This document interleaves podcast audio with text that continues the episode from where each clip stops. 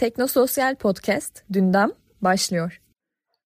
Bu bir devam bölümü. O yüzden girişte anekdot yok. Ben Orhan Şener, yanımda Gonca Tokyol ve Teknik Masa'da Oğuz Bakır'la Dündem'desiniz. Geçen bölümde Airbnb'nin gentrification, daha doğrusu mutenalaştırma benzeri etkisinden ama bir yandan da turizmi tabana yaymaya yaptığı katkıdan bahsetmiştik. Bu bölümde ise Airbnb'nin neden ve nasıl bu kadar popülerleştiğini, öte yandan ev sahibi kentlerde oluşan tepkiyi, koronavirüs salgını sırasında neler yaşandığını, şirketin halka arz öncesi son durumunu ve turizmle konaklama endüstrisinin geleceğini konuşacağız. Orhancığım senin deyiminle bu müthiş entrans için teşekkür ediyorum. Şimdi soruları da ben yönelteyim. Sorularımız şunlar. Ucuz mu, otantik mi? Airbnb'yi neden tercih ediyoruz? Konuklar ev sahiplerinden, ev sahipleri konuklardan, mahalleli de Airbnb evlerinden şikayet ediyor. Yerel yönetimler ve Avrupa Birliği Airbnb'ye yönelik hangi adımları atıyor? Koronavirüs salgınıyla birlikte Airbnb'de durum ne? Teknoloji seyahatin dönüşümünü nasıl etkiliyor? Koronavirüs salgını ile birlikte turizm ve seyahat nasıl değişecek? Şimdi geçen bölümde Airbnb'nin aslında hayatımıza nasıl girdiğinden, kurucularının yaşadığı maceradan, işte Demokrat Parti kongresinde satılan Obamalı ve McCain'li cornflakeslerden falan ve aynı zamanda da aslında Airbnb'nin girdiği e, yerelliklerde yarattığı etkiden biraz bahsetmiştik. Şimdi de neden ve nasıl bu kadar popülerleşti Airbnb onu konuşalım istiyorum. Bu noktada aslında karşımıza ilk olarak otellerin talebi karşılamaması geliyor. Ve Airbnb de aslında ev pansiyonları ile kısa süreli ev kiralama arasında bir alternatif sunuyor bize. Bu noktada aklıma ilk gelen örneklerden bir tanesi şu. Annemle babam mesela seneler önce ilk Şirince'ye gittiklerinde işte böyle otel arıyorlar bilmem ne falan ama yer yok katiyen ve bir anda karar vermişler. Spontan bir tatil. Sonrasında işte şarap içtikleri yerdeki adamın Mehmet abi bir evi olduğunu ve evinin üst katını pansiyon gibi kiraladığını öğreniyorlar. Aslında daha Airbnb Türkiye'de aktif değil ki annemlerin yaşadığı ilk Airbnb deneyimi budur diyebilirim. Bu deneyim meselesini açalım istersen. Yani Airbnb dediğimizde merkezinde deneyim olan bir platformdan bahsediyoruz. Neyi kastediyor? Şöyle bir argüman var. Deniyor ki dünya aslında ikinci kez keşfediliyor. İlki neydi? Bundan işte e, yarım milyon yıl önce e, Afrika'dan çıkan atalarımız diyeyim dünyanın sağına soluna kuzeyine güneyine yayıldılar. İşte gittiler yerleştiler bir süre sonra tarıma başladılar orada işte medeniyet kurdular vesaire. Şimdi ise hali hazırda zaten dünyanın her yerine gidildi bu tarafta bir sorun yok. Birçok yerinde de insan yaşıyor ama ikinci defa olan şey şu seyahat blogları siteleri sayesinde ve de Instagram'dan gördükleri hani eşlerin dostlarını veya takip ettikleri insanların paylaşımlarını gördükçe insanlar normalde akıllarına gelmeyecek lokasyonları e, öğreniyorlar. Buraya gitmeye heves ediyorlar ve artık ulaşım sistemimiz işte ucuz seyahat imkanlarının e, mümkün olması ve internetten de bunların kolaylıkla satın alınabiliyor olmasıyla veya kendin gideceksen işte online haritalar ve navigasyon sistemleri sayesinde insanlar buralara ulaşabiliyor. Ulaştıktan sonra kendileri de bu sefer bir kısmı biraz daha profesyonel bir şekilde işte blogları yazıyorlar. Bir kısmı ise en doğal ilk akıllarına gelecek şey olarak Instagram'da bunu paylaşıyorlar ve böylece bir döngü tamamlanmış oluyor. Dünya ikinci kez tecrübe etmek ve bu tecrübeyi başkalarıyla paylaşmak için tekrar keşfediliyor. Bütün bunların merkezinde ise en önemli platformlardan birisi Airbnb. Çünkü gittiğinizde o konaklamayı artık ekseriyetle Airbnb ile gerçekleştiriyorsunuz. Ki bu anlamda da zaten artık Airbnb için bir konaklama uygulamasından ziyade şöyle dememiz lazım belki de bir deneyim platformu. Bu noktada senin teknoloji deneyim anlamında kurduğun aslında bağlantı önemli. Daha önce Inside Turkey için yaptığım bir haberde e, Ege Üniversitesi'nden Gözde Emekli ile konuşmuştum. Kendisi turizm coğrafyası dersi veriyor. Gözde Hoca aslında bu durumu şöyle özetlemişti. Dedi ki teknolojik gelişmeler, postmodernite, küreselleşme, Y ve Z kuşaklarının ilgi alanları ile beklentileri tatil alışkanlıklarının da değişmesini beraberinde getiriyor. Ve bu aslında çok böyle 2-3 senelik bir durumdan da bahsetmiyoruz. Bu bir süreç ve yaklaşık 20 yıldır da devam ediyor. Aynı zamanda da akıllı telefonlar ve sosyal medya uygulamaları bu değişimde başrol oynuyor. Neden? Çünkü aslında turizm teknolojileri zihnen ulaşabilirliğimizi kolaylaştırıyor. Bizim sosyal medyada var olmamız senin dediğin gibi aslında bir turizm boyutu da var. Diyor işte ben diyelim ki ıssız bir koya kamp yapmaya gidiyorum ve bunu Instagram'da paylaşıyorum. Normalde böyle bir yerden hiç haberdar olmayacak arkadaşım ya da arkadaşım bile değil takipçim beni bilen bir insan diyor ki aa burası neresiymiş alan. Ya buna 10 sene önce belki de hadi 20 sene önce bunu bilebilmesinin çok da bir mümkünatı yok aslında. Airbnb kendisi de bu deneyim meselesini o kadar önemsiyor ki bunun için e, bünyelerine bir uzman kattılar. Kim bu? Johnny Ive. Biliyorsunuz kendisi hani hepimizin işte sevdiği, beğendiği o iPhone tasarımını yapmış insan. Bildiğimiz anlamda iPhone'un aslında form olarak dünyaya getirmiş olan insan. Johnny Ive'ı geçtiğimiz ay e, Ekim 2020'de Airbnb'ye bir tasarım danışmanı olarak aldılar. Neyi tasarlayacak bu insan? Sitedeki ve uygulamadaki deneyimi tasarlayacak. Ki kendisinin zaten ilk temas değil Airbnb ile yaklaşık 6 sene önce e, Airbnb'nin bugün bildiğimiz ikinci logosunu da tasarlayan kişiydi. Yalnız o logo ile ilgili bazı yorumlar da var. Ben genel olarak işte yok bel altı konuşuyor da arada böyle vıraklayan küfürler ediyor da falan diye nitelendiriliyorum. O yüzden de çok aslında üzerine konuşmak istemiyorum. Sadece Guardian'da bu konuda yazılmış bir haber var. Onun başlığını okuyacağım size. Kararı siz verin. Is a balls, vagina, both Airbnb logo sparks wave of internet parodies bu arada Airbnb'nin doğrudan Deneyimler isimli ayrı bir alt uygulaması da var. Experiences. Buna çok yatırım yapmışlardı aslında ama pandemiyle birlikte buna verdikleri önemi de azalttılar. Artık bunları online olarak gerçekleştiriyorlar. Nedir bu? Gidip sadece konaklama değil de yani konaklamanın kendisini satın almıyorsunuz da oradaki konaklama sahibinin size sunacağı bir deneyimi satın alıyorsunuz. İşte gidiyorsunuz kimi trekking yaptırıyor, kimi ara sokaklarda gezdiriyor, kimi sokak lezzetlerini tattırıyor, kimi işte sanat, kültür, eğlence neyse bir mih- mihmandar aslında kendinize özel bir mihmandar kiralamış oluyorsunuz. Bundan çok şey bekleniyordu ama henüz vaatlerini yerine getirmiş değil. Şimdi deneyimler iyi güzel. Airbnb'de işte evi kiraladık, gittik, deneyimimizi yaşadık, mutluyuz. Instagram'da da paylaşıyoruz. Her şey iyi güzel. Ev sahibimiz de mutlu. O da hani normalde kar etmediği, gelir elde etmediği bir yerden bir gelir elde ediyor. Airbnb zaten mutlu, komisyonunu alıyor. Ama mutlu olmayan birisi var. Kim? Mahalleli. Mahalleli mutsuz. Çünkü birçok sıkıntı var. Yani bahsettik zaten gentrification, mutenalaştırma, kira fiyatları yükseliyor. Bir sürü sahte yerli türüyor değil mi ki? Yerli gibi yaşamak isteyen. İşte gideyim oranın pazarından sebze meyve alayım, marketine gideyim, ekmek peynir alayım. Bunların hepsi iyi güzel ama bir anda gelir düzeyi o mahallenin ortalama insanından daha yüksek. İnsanlar türüyor etrafta.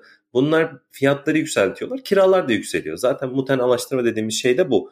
Bu böyle ama sadece bu da değil. Bunun yanında hukuki ve birçok yerel yönetimin koyduğu kuralları aşındıran, oradaki oturan insanları sıkıntıya sokan durumlar da yaşanıyor. Örnek vermek gerekirse New York'ta mesela Domio isimli bir şirket var. Şimdi bunlar Türkiye'de de bu aslında benzeri yaşandı. Sahibinden Com'un ilk iddiası neydi? Araya biz emlakçıyı sokmuyoruz. Doğrudan siz sahibinden alıyorsunuz, kiralıyorsunuz ya da satın alıyorsunuz. Ama şu anda sahibinden Com'a girdiğinizde herhalde %90-95'i emlakçı olsa gerek. Bu New York'ta yasak, Airbnb'de de zaten yasak. Yani siz kalkıp e, kiralık olarak belirtilmeyen bir evi kiralayamazsınız ya da kiracı tekrar kiralayamaz. Yani New York'ta şöyle kanunlar var. İşte bir evin içinde kiracı dediğimiz insan 30 günden daha düşük bir kiralama yapamaz. Aynı zamanda bütün odalara, evin bütün odalarına ve giriş çıkış kapılarına da erişim olması gerekir gibi bir kanun var. Bu ne demek? Sen evin bir odasını ayrıca hani birisine kiralayamazsın. Bunu aşmak için Domio isimli bir şirket şöyle bir şey yapıyor. Bütün çalışanlarına saadet zinciri gibi bir sistem kuruyorlar ve her çalışan gidip yeni yeni evler satın alıyor. Bu satın aldıkları evleri de Domio sistemi üzerinden Airbnb'de Airbnb evi gibi kiralatıyorlar. Yani bir kiracı gittiğinde oraya hiçbir ev sahibi falan görmüyor. Otel gibi bir temizlikçi geliyor, anahtarı veriyor falan. Bu sistem ortaya çıkarılınca baya büyük bir sıkıntı oluyor. Şu anda da zaten davası sürüyor. İlki bu. Mesele sadece emlak simsarlığı değil. Daha böyle toplumsal olaylara falan varan sıkıntılar da yaşandı. Mesela Oklahoma'da ya da işte Los Angeles'ta silahlı çatışmayla biten parti evleri skandalları var. New Jersey'de bir seferinde 700 kişinin katıldığı bir e, parti eviyle karşılaşıyoruz. Yani Airbnb evi olarak kiralanıyor ve 700 kişi geliyor. İşte polis geliyor bilmem ne falan. Bu insanları dağıtamıyorsun da hani. Bunu işte ne kadar durdurmaya çalışsalar da e, son gece rezervasyon yapılabilmesinin mümkün olması, işte kimlik denetiminin pek de iyi olmaması gibi sebepler. Üstüne bir de pandeminin yarattığı bu sıkışmışlık etkisiyle insanlar bara gidemedikleri için böyle evlerde toplanıyorlar. Bunlar açıkçası e, son bir iki yılda ciddi şekilde arttı. Şimdi burada bunu bir kavramsallaştırmak gerekirse e, biz buna hani Econ 101 dediğimiz işte iktisat 101 dersini alanlar bilir. Dışsallık denen bir şey var ekonomide. O da nedir? Ben malı satıyorum, sen de alıyorsun. İkimiz de mutluyuz. Ama bu e, alışverişle hiçbir ilgisi olmayan üçüncü partiler bizim alışverişimizden olumlu ya da olumsuz olarak etkileniyor olabilir. Mesela hep verilen örnek sokak çalgıcısı çalar, sen de ona işte para verirsin. Ama para vermeyenler de o müziği dinlemiş olur. Bu artık müziğin meşrebine göre beğeniyorsanız pozitif dışsallıktır. Veya Adidas işte bir fabrikada e, ayakkabı üretir. işte gider satar. Ayakkabıyı alan mutlu. Adidas mutlu para kazandı. Ama o ayakkabının üretildiği köyde işte köyün deresini kirlettiği için Adidas o köylüler için negatif dışsallıktır bu. Airbnb hususunda da Airbnb mutlu, ev sahibi şu olaylar çıkmasa mutlu, işte kalanlar zaten mutlu ama mahalleli bu saydığımız sıkıntılar nedeniyle mutsuz. Onlar negatif bir dışsallık yaşıyor. Ve negatif dışsallık olan yerde de regülasyon gelir. Yani yerel yönetim ya da merkezi yönetimin gidip demesi gerekir ki kardeş siz iyi güzel aldığınız verdiğiniz mutlusunuz da sorun yaratıyorsunuz etrafa. Bunu bir düzenlememiz lazım. İkincisi sizin bunun karşında topluma bir şey geri vermeniz lazım. Burada da iki regülasyon görüyoruz. Biri Avrupa Birliği'nin kendi daha merkezi diyebileceğimiz düzenlemesi. O biraz daha işin şey tarafında e, satış ve pazarlama tarafında hani Google'a falan kesilen cezalar var ya sen tekelsin işte başkalarının reklamlarını göstermiyorsun mesela.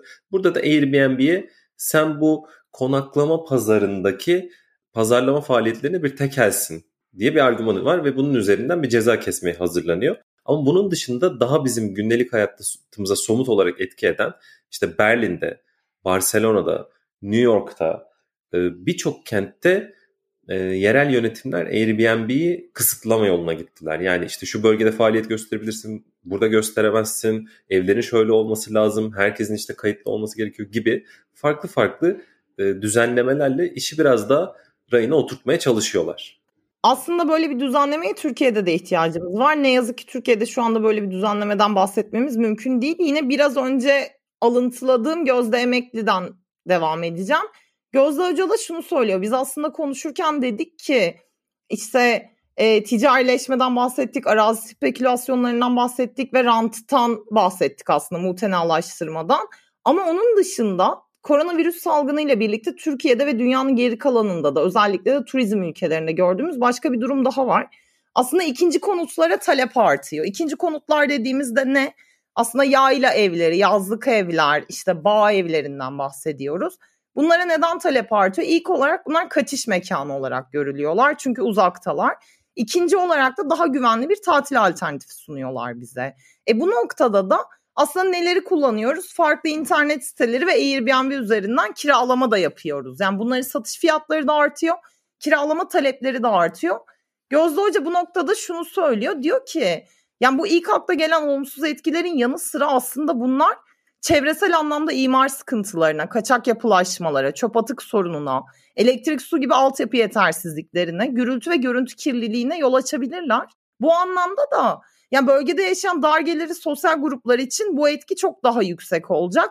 E ne yapılması lazım? Türkiye'nin bu noktada bir düzenleme yoluna gitmesi gerekiyor. Bu düzenleme de aslında nasıl hazırlanacak? Karşılıklı fayda amacıyla hazırlanacak ve hem bu olgunun kontrolünü sağlayacak ve kullanımı arttıracak hem de aslında bir planımız olduğu için mesela yeni bir inşaata gerek duymaksızın yerli ve yabancı turistlerin konaklama talebini de karşılayabileceğiz.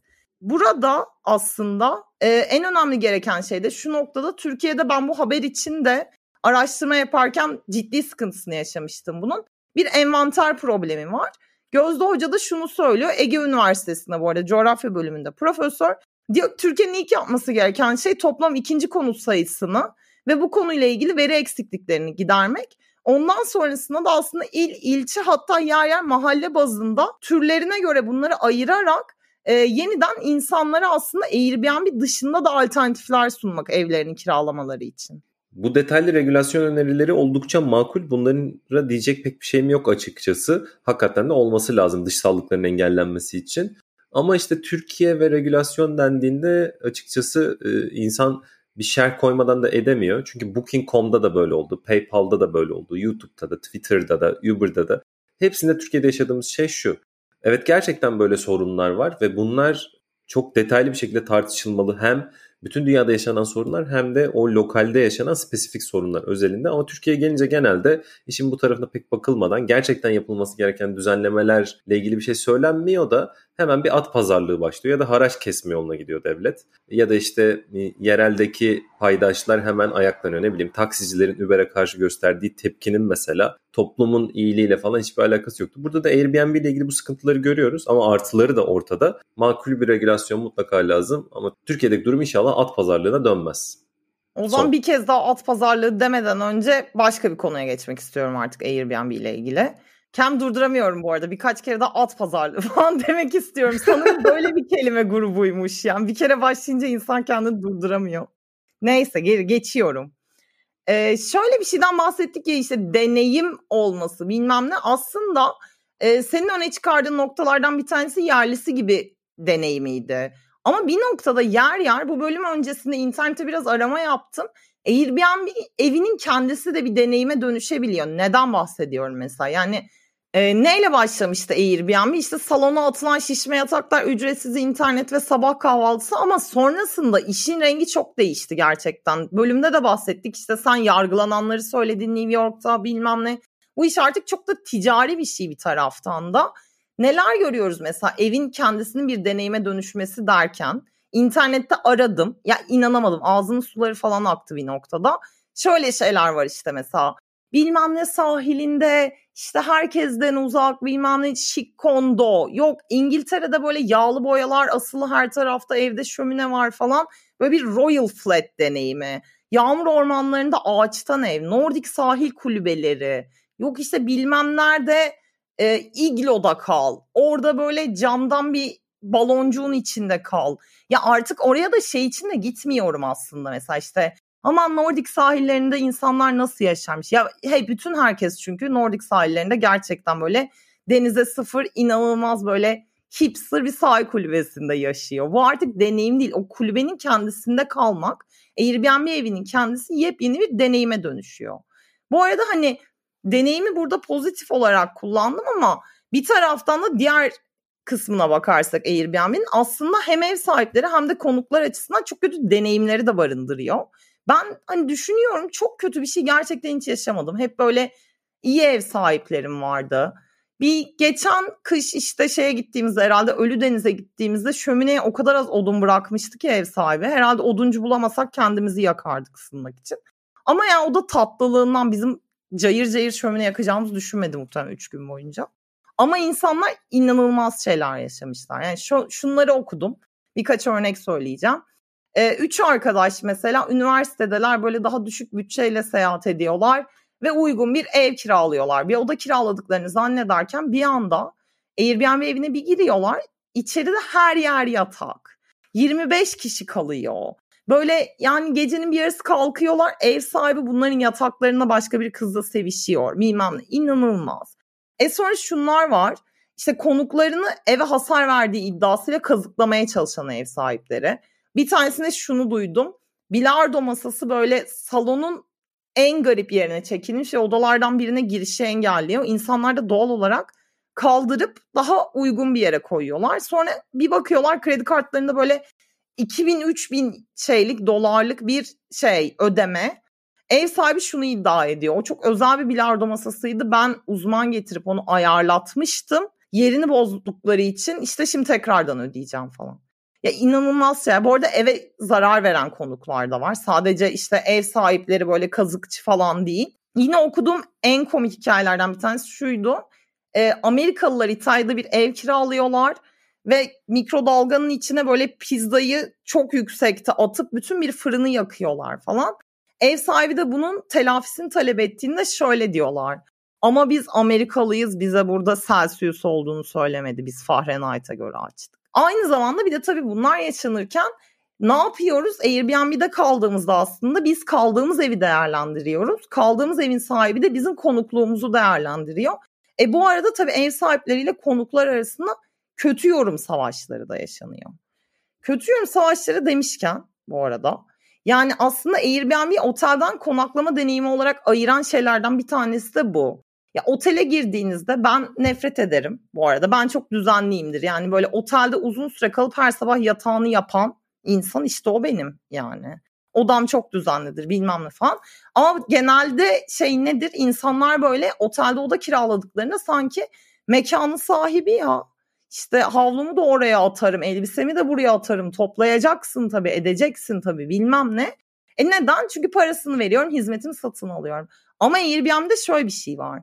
Eğer kötü bir konuksanız yorumlarınız zaten gözüktüğü için bu sefer insanlar size evlerini kabul etmemeyi de tercih edebiliyorlar. Ve mesela ne yapıyorsun işte e, Booking.com'dan rezervasyon yaptırıyorsun otel için ama Airbnb'den yaptırırken bir böyle kendini ev sahibine beğendirmeye çalışıyorsun. Ben mesela işte uzun uzun mailler atarım her seferinde işte e, hatta çok komik bazen kendime çok gülüyorum. Bence biraz hafif böyle Orta Doğulu bir tavır. Şey falan yazıyorum. Dünyanın birçok ülkesini gezdim. Şu işi yapıyorum. İşte daha önce de Airbnb'de kaldım. Ve yani hani e, modern bir insanım. Gerçekten salonunuzun ortasına atmayacağım falan. Yani bunun garantisini vermeye çalışıyorum ev sahibime. Kendimi beğendirmeye çalışıyorum. E, sonra çıkmadan önce evi temizliyorum. Mesela evi dağınık bırakmıyorum bilmem ne. Salonun ortasına etmeyeceğinin garantisi için o kadar uzun şeyler yazmana gerek yok bence. İyi kötü o kadarını beklemiyorlardır muhtemelen ama dediğin doğru. Hani Türkiye'de zaten emlakçıya falan da kendini beğendirmen gerekir. Özellikle bekarsan.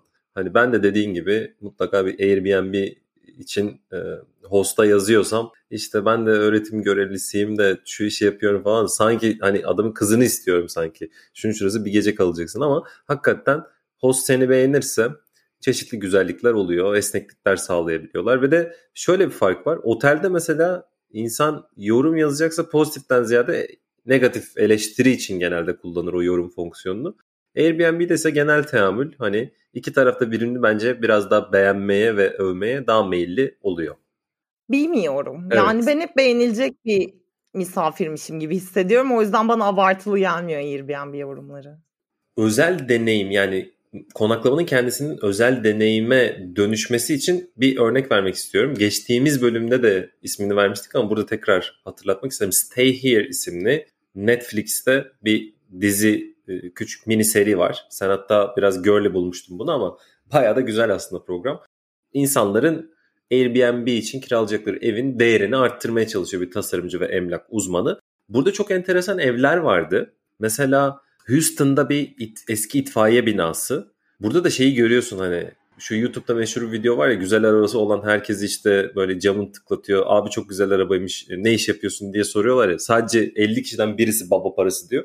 Bu da biraz öyle bir mesele. Genç böyle 30'larının başında bir beyaz erkek ama kocaman 150-200 yıllık itfaiye binasını kendisine bekar evi yapmış. Güzel tarafında işte eski hakikaten itfaiyenin olduğu kısmı kendisi kalıyor. Arka taraftaki itfaiyecilerin yattıkları basit manzarası kısmı ise insanları kiralıyor. Hani şeyi görüyorsunuz o genç yaşında o paralar nereden gelmiş işte kendisi nerede kalıyor insanları nereye kiralatıyor falan. Tabii emlak uzmanı gelip bu yaptığının ticari olarak çok saçma olduğunu esas işte deneyim sunan kısmı insanlara sunması gerektiğini falan anlatıyor. Zor ikna oluyordu. Bir diğeri de mesela o seriden bakılabilecek Brooklyn'de The Yellow Block B&B vardı. Mesela bu istisnaydı bütün seri içerisinde. Herkes işte fiyatları arttırmaya, daha böyle lüks bir yer olmaya çalışırken burada siyah bir adamın 5 katlı hosteli bu. Ee, kendisine bir hedef koyuyor ama o hedefin içerisinde şey yok. Fiyatları arttırmak istemiyor. Sadece doluluğu arttırmak istiyor. Fiyatları arttırmak istememesinin mantığı olarak da şunu söylüyor. Ben e, çalışan insanların işçi sınıfında, working class'ında gelip burada Brooklyn deneyimini yaşayabilmelerini istiyorum diyordu. Buradan Stay Here'de tekrar hatırlatmış olalım. Airbnb ile otel arasındaki farklar bununla tabii kısıtlı değil. Mesela pandemi dönemini ele alacak olursak bir düşünelim. Hatta şöyle bir sorayım da sana Gonca. Sen hangisinde kalmayı tercih edersin pandemi döneminde? İyi bir otelde mi yoksa iyi bir Airbnb evinde mi? Açıkçası uzun süreli konaklama yapmadım pandemi döneminde yani şehir dışında. Bir tek bir annemin yazlığına gittim. Hani orada da ev tercih ettim. Uzun yaz tatili için şey tercih etmedim. Otel tercihim değildi. Kamp ve annemin evinde kaldım. Ee, şu anda da yani bir yere gidecek olsam yine bir iki haftalığına Airbnb'yi tercih ederim. Çünkü en azından kendi mutfağım olur. Dışarıda çok fazla insanla temas etmek zorunda olmam. Ama otel açısından da ben şey işte dediğim gibi çok severdim. Böyle işte ucuza güzel otel bulayım bilmem ne falan. Onu yapmayı bıraktım pandemi döneminde. E, şehir dışına çok sık çıktık geldik biz şeyde işle ilgili. Genel olarak zincir otellerde kaldık ki en azından belli bir hijyen seviyesini yakalayabilelim. Söylediklerin çok önemli noktaları aslında işaret ediyor. Ne dedin? İşte kamp değil mi? Ya da annemin evinde. Buradaki temel mantık ne? Bilmediğim, tanımadığım, işte virüs taşıyıcısı olup olmadığını bilemeyeceğim insanlarla aynı ortamda bir araya gelmek istemiyorum. İzolasyon istiyorum ve bir hijyen istiyorum değil mi? Şimdi buna bir de şunu ekleyelim. İşte verdiğimiz paranın işte verdiğim yaptığımız rezervasyonu iptal edebilme hakkımız ve paramızı iade alabilme imkanımız. Niye? İşte hastalık olur, lockdown olur, şehir dışına çıkma yasağı olur vesaire birçok sebepten seyahatini iptal etmen ya da ertelemen gerekiyor olabilir. Bu üç kategoride mukayese edecek olursak otel ve Airbnb'yi sonda söylediğim hemen başa çekeyim. Oteller tabii bu iptal ve iade meselesinde normalde Airbnb'ye göre pek bir avantajları yoktu ama konaklama endüstrisi pandemide böyle bir e, çözüm yoluna gitti ve hani son artık 12 saate kadar falan neredeyse ücretsiz hiçbir kesinti olmadan iptal edebiliyorsunuz. Paranızı iade alabiliyorsunuz. Airbnb'de bu o kadar mümkün olmuyor. O açıdan otel daha avantajlı. Hijyen meselesinde ise hijyen ve izolasyon biraz aslında iç içe geçmiş kavramlar. Airbnb bir otelin genellikle bir otelin sunduğu o profesyonel temizlik hizmetini sunamıyor. İşte o çarşaflar bilmem kaç derecede yıkanıyor. işte duvarları bir şeyler sıkıyorlar. Ama zaten buna o kadar gerek de olmayabilir. Çünkü izole haldesiniz. Yani otelde odanız ne kadar temiz olursa olsun son tahlilde yan odada bilmediğim bir insan yaşıyor ve ortak alanlarda hep birlikte olacaksınız. Oysa Airbnb'de hani önceki misafirler aranızda bir gün falan olduysa işte ev havalandırıldıysa sonrasında kendinize ait bir evde yaşıyorsunuz. Bu yüzden de hani endişe etmeniz çok gerek olmayabilir. Bu bahsettiğim zaten Inside Turkey için yaptığım The Return of the Turkish Summer House haberi için de böyle Airbnb'de ve diğer yazlık kiralık ev sitelerinde çok dolaşmam gerekti. Orada da ilan başlıklarının şunun öne çıktığını görüyorduk. Mesela herkesten uzakta, sadece siz ve aileniz için, izole, doğrudan izole yazıyor. Mesela bu tarz e, müşteriyi çekmek için kullanılan aslında normalde ne dersin? İşte inanılmaz bir deneyim, çam ağaçlarının arasında, yok denize kuş bakışı, denizin dibinde falan. Bunların yerini birazcık daha aslında o evlerin ne kadar kalabalıktan uzak olduğu, ne kadar güvenli olduğu, ne kadar izole olduğunu anlatan sözcükler almıştı. Pandemi sürecinde insanlar Airbnb bu söylediğimiz şekillerde kullandı ama bir de şöyle bir şey var. Belki bu sana tanıdık gelebilir. Özellikle beyaz yakalılar arasında değil mi? Zaten evden çalışma imkanını yakalayanlar bir tek onlar oldu. Ee, şöyle bir pratik yaygınlaşıyor. İşte atıyorum İstanbul'dasın, reklam ajansında çalışıyorsun. Dendi ki artık evden çalışılacak. Toplantıları falan da hani fiziksel olarak yapmayacağız. Gidiyorsun Airbnb'den atıyorum Fethiye'de bir ev tutuyorsun ve gidiyorsun 3-4 hafta orada yarı tatil bir yandan da yani mekan değişikliği bir uzaktan çalışma pratiğine giriyorsun. Burada Airbnb evleri tercih ediliyor. Ama şu da var özellikle ABD'de bunlar Türkiye'de çok yaygın değil ama Tulia ve Craigslist en büyük rakipleri Airbnb'nin orta ve uzun vadeli konaklamada daha uygun fiyat veriyorlar. O yüzden hani Airbnb bu uzun dönemli konaklamalar için özel kampanyalar yapar mı gibi de tartışmalar var. Genel olarak baktığımızda zaten koronavirüs salgını hem kullanıcıların deneyimlerini değiştirdi turizme ve seyahate dair hem de baktığımızda sektörde de inanılmaz kayıplardan bahsediliyor. Bazıları çok daha fazla etkilendi, bazıları birazcık daha az etkilendi ama herkes etkilendi. Airbnb de aslında ilk başta en çok etkilenenlerden bir tanesiydi. Ama sonrasında ise durumu bayağı toparladı. Nasıl bir tablodan bahsediyoruz? Mesela pandeminin ilk ayında iptal edilen rezervasyonlar sebebiyle Airbnb'nin kaybı 1 milyar dolardı. Şirketin CEO'su Chesky krizin ortaya çıktığı ilk 8 haftada işlerin %80'ini kaybettiklerini söyledi. Ama Temmuz ayına geldiğimizde neyi gördük? Airbnb aslında şimdilik yıkımın kıyısından döndü. Neden? Yani belki de şehir merkezlerinde işte mesela Venedik'te merkezdeki bir ev o kadar tercih edilmemeye başlandı ama insanlar hem daha uzun süreli kiralamalara yöneldiler hem de şehir merkezinin dışında işte bilmem ne köyünde e, bilmem ne ıssızında evleri de kullanmaya başladılar. E, şirket ikinci çeyrekte 400 milyon dolar civarında bir kayıp yaşadı. Ama Temmuz ayına geldiğimizde müşteri harcamalarını bir önceki yılın aynı dönemine göre %22 arttırmıştı. E, tarihler 8 Temmuz'u gösterdiğinde de aslında şirketin randevu defteri 1 milyon gecelik rezervasyon yeniden ulaştı. Bu da ne demek? Aslında Airbnb 2019'un ilk 90 günü boyunca her gün ortalama 1 milyon gecelik rezervasyon almıştı. Bu da şirket için önemli bir mihenk taşı aslında. Temmuz'a geldiğimizde durumu bayağı toparlamayı başardılar. Airbnb aslında bu süreçte sadece kendini kurtarmakla kalmadı.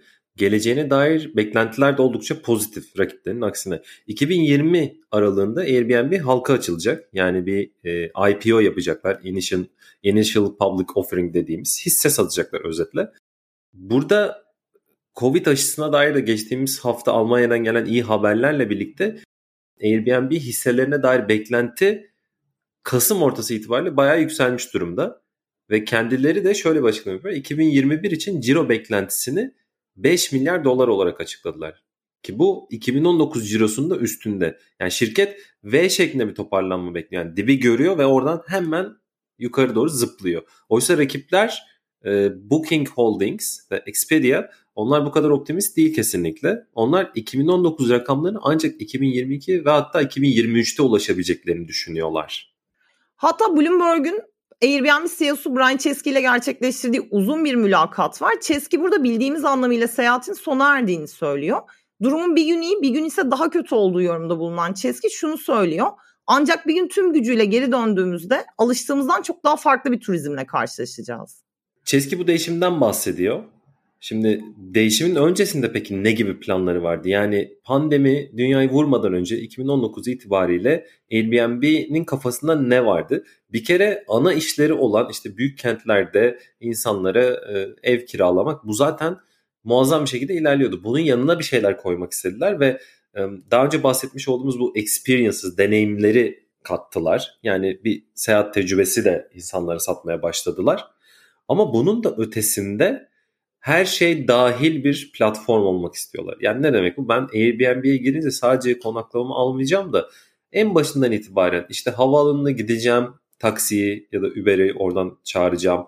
Uçak biletimi buradan satın alacağım. Airbnb'yi zaten yani zaten konakladığım evi buradan kiralıyorum. Yanına hatta otel rezervasyonlarını da ekleyebileceğim daha kompleks bir sistem ve onun ötesinde gittiğim yerde etkinliklere katılmak için de biletleri bile alabileceğim. Her şey dahil bir uygulama olmayı hayal ediyorlardı ama bütün bunlar şimdi suya düştü.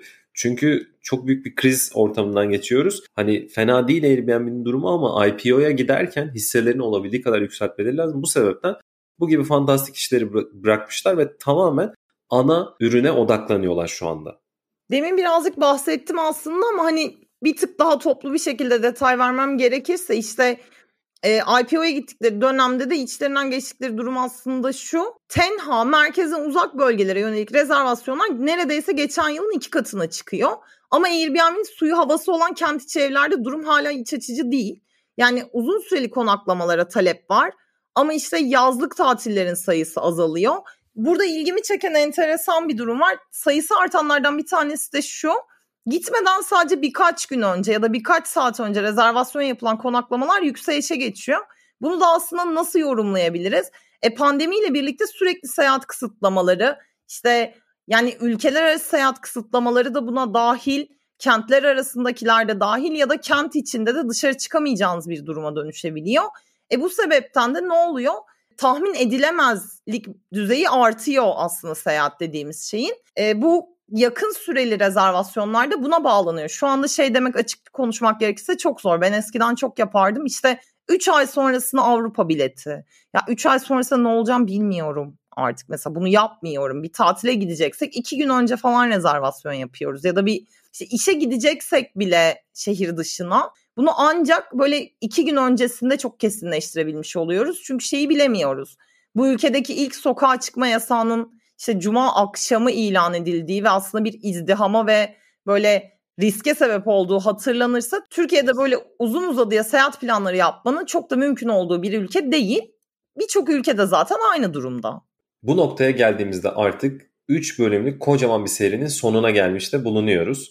Seyahat nedir? Teknolojinin seyahat üzerine etkisi nedir? Ev nedir? Hotel nedir? Bunların farkı nedir? Airbnb bunun neresinde konumlanıyor? Platform kapitalizmi ne demek? Dışsallık şu bu bir sürü şey konuştuk. Buradan dinleyicilerimize de seslenmiş olalım. Bu seriyi beğendiyseniz ya da beğenmediyseniz lütfen bizimle yorumlarınızı paylaşın. Yeni seri önerileriniz varsa bu konuda da fikirlerinizi bekliyoruz. Şimdi kapatırken şöyle bir şey yapmak istedik. Biz biraz araştırdık aslında Gonca yaptı araştırmayı. En yaratıcı ama belki de en denyoca e, Airbnb işlerinden bazılarına baktık. Bunlardan birinin örneğini verecek Gonca. Eğer siz de daha iyisini biliyorum, daha garibini biliyorum diyorsanız lütfen bizimle paylaşın. Evet neymiş Gonca bu? Olayımız aslında Britanya'da geçiyor. İki YouTuber arkadaş var Rice Simmons ve Jamie Kamaz. Şöyle bir fikirle ortaya çıkıyorlar. Diyorlar ki ya ne yapsak, ne kadar saçma bir şey yapsak insanlar bizim Airbnb şeyimize, ilanımıza e, başvuruda bulunmazlar. Burayı tutmak istemezler. Ve sonrasında da bir yatak satın alıyorlar. Yanında böyle şeyi de var, şifon yeri de var hatta üzerine böyle bardak da koymuşlar ve bunu bir tarlanın ortasına koyuyorlar. Bunun da adını böyle The Worst Airbnb Ever, şimdiye kadarki en kötü Airbnb diye promote ediyorlar. Ve sonra bunu da bu arada oradaki Airbnb odasını diyeceğim tırnak içinde hazırladıkları bir video çekip YouTube'a yüklüyorlar. Aslında asıl amaçları sadece bu. Hiç kimsenin başvurmasını ve rezervasyon yaptırmasını beklemiyorlar. Ama garip bir şekilde insanlar Airbnb evlerine rezervasyon yaptırmaya başlıyor.